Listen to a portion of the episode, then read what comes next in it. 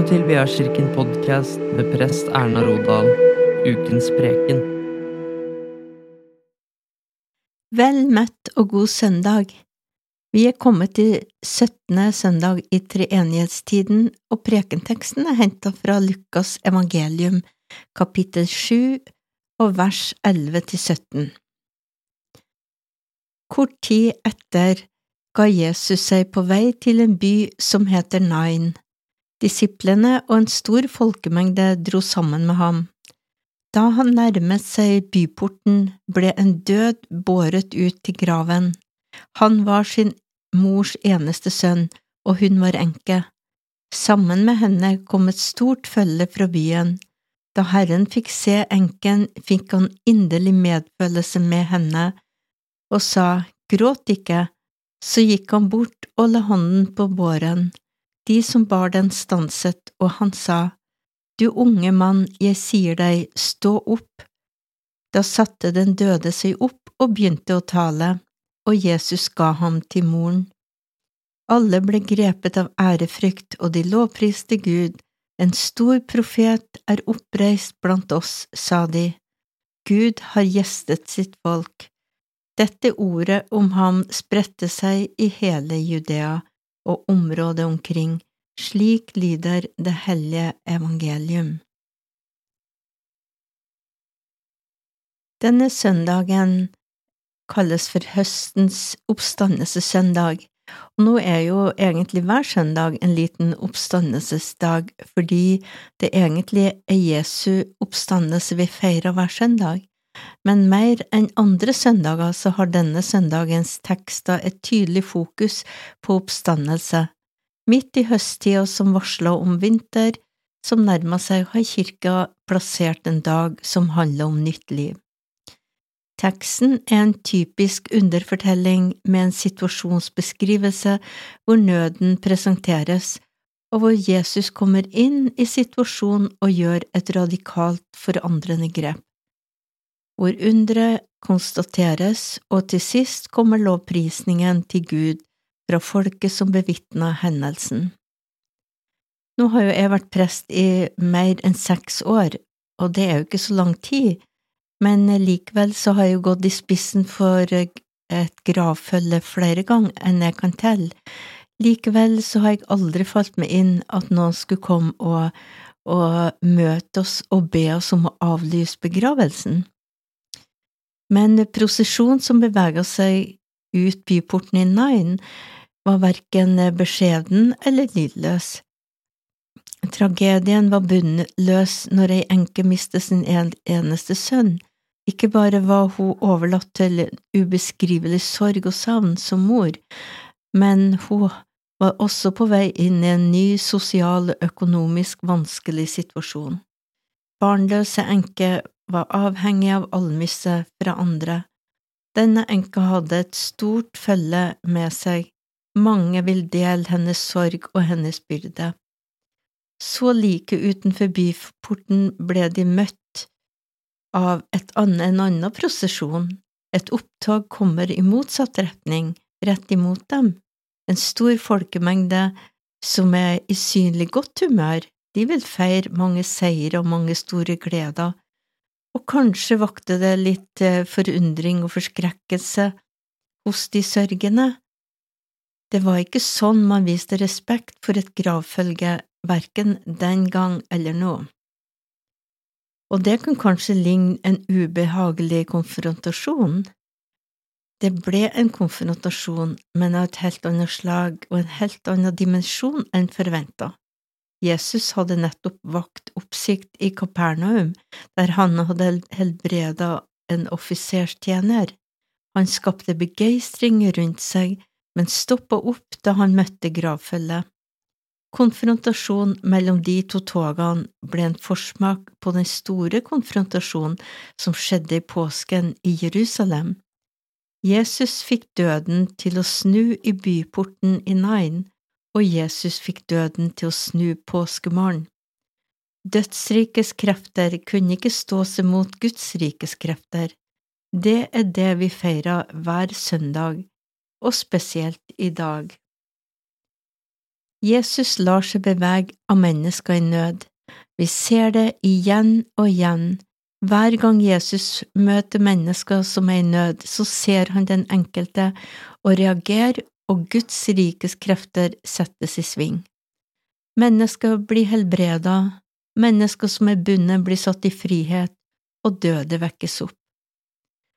Nå var det jo ikke bare Jesus som vekte opp døde, det kan vi lese om i dagens GT-tekst, og der, den vitner om at også Moses og profetene eh, kunne gjøre under med Guds hjelp.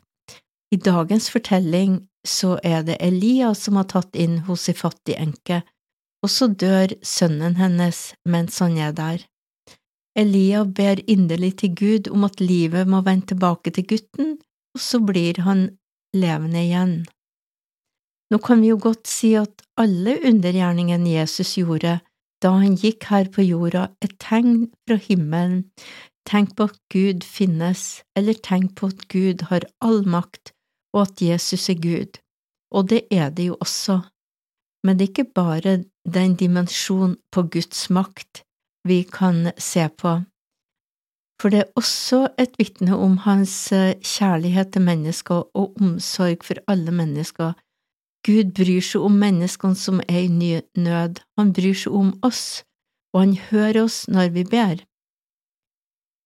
Han kan snu enhver håpløs situasjon. Han kan gripe inn og hjelpe det mennesket er i nød. Og der eh, Det gamle testamentet, altså før Jesus, var det enkelte utvalgte personer som hadde kraft fra Gud, og som ble brukt av Gud, sånn som profetene ble. Så kom Jesus, Guds egen sønn som er Gud. Tegn og under skjedde overalt der Jesus gikk. Guds rike var kommet nær.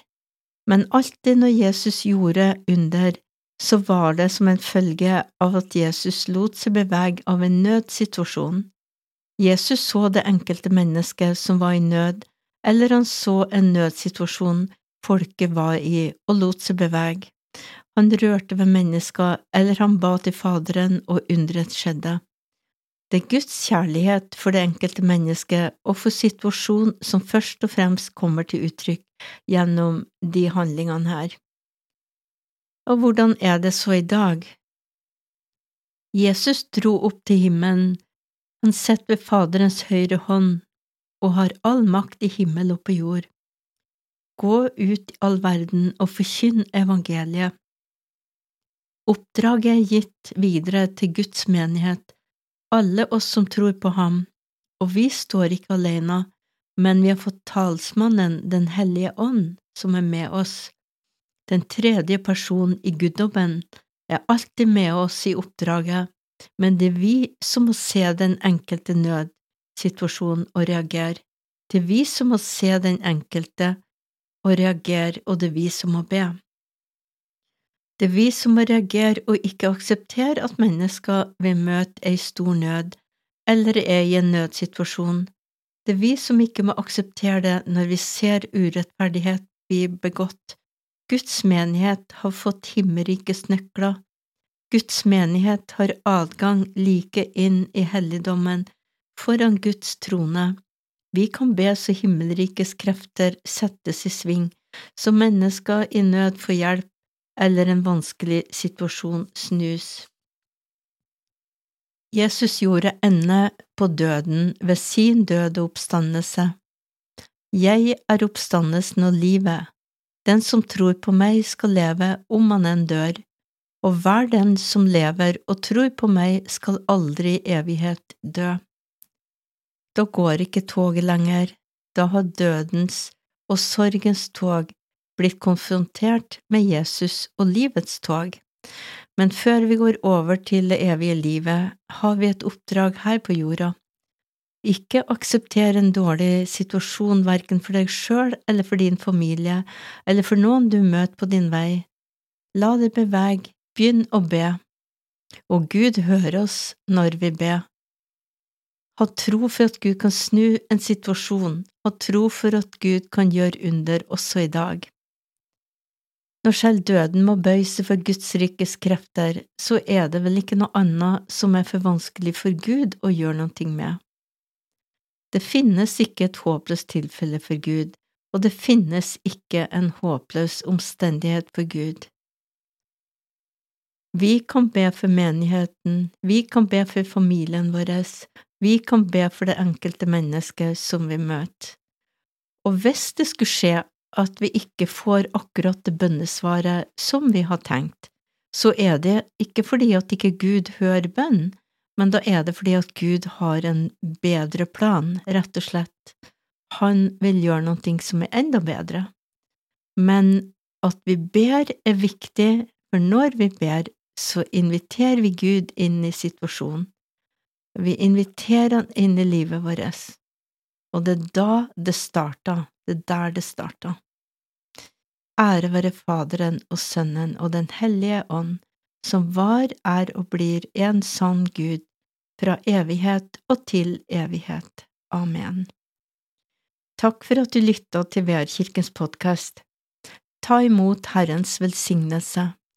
Herren velsigne deg og bevare deg. Herren la sitt ansikt lyse over deg og være deg nådig. Herren løfte sitt åsyn på deg og gir deg fred.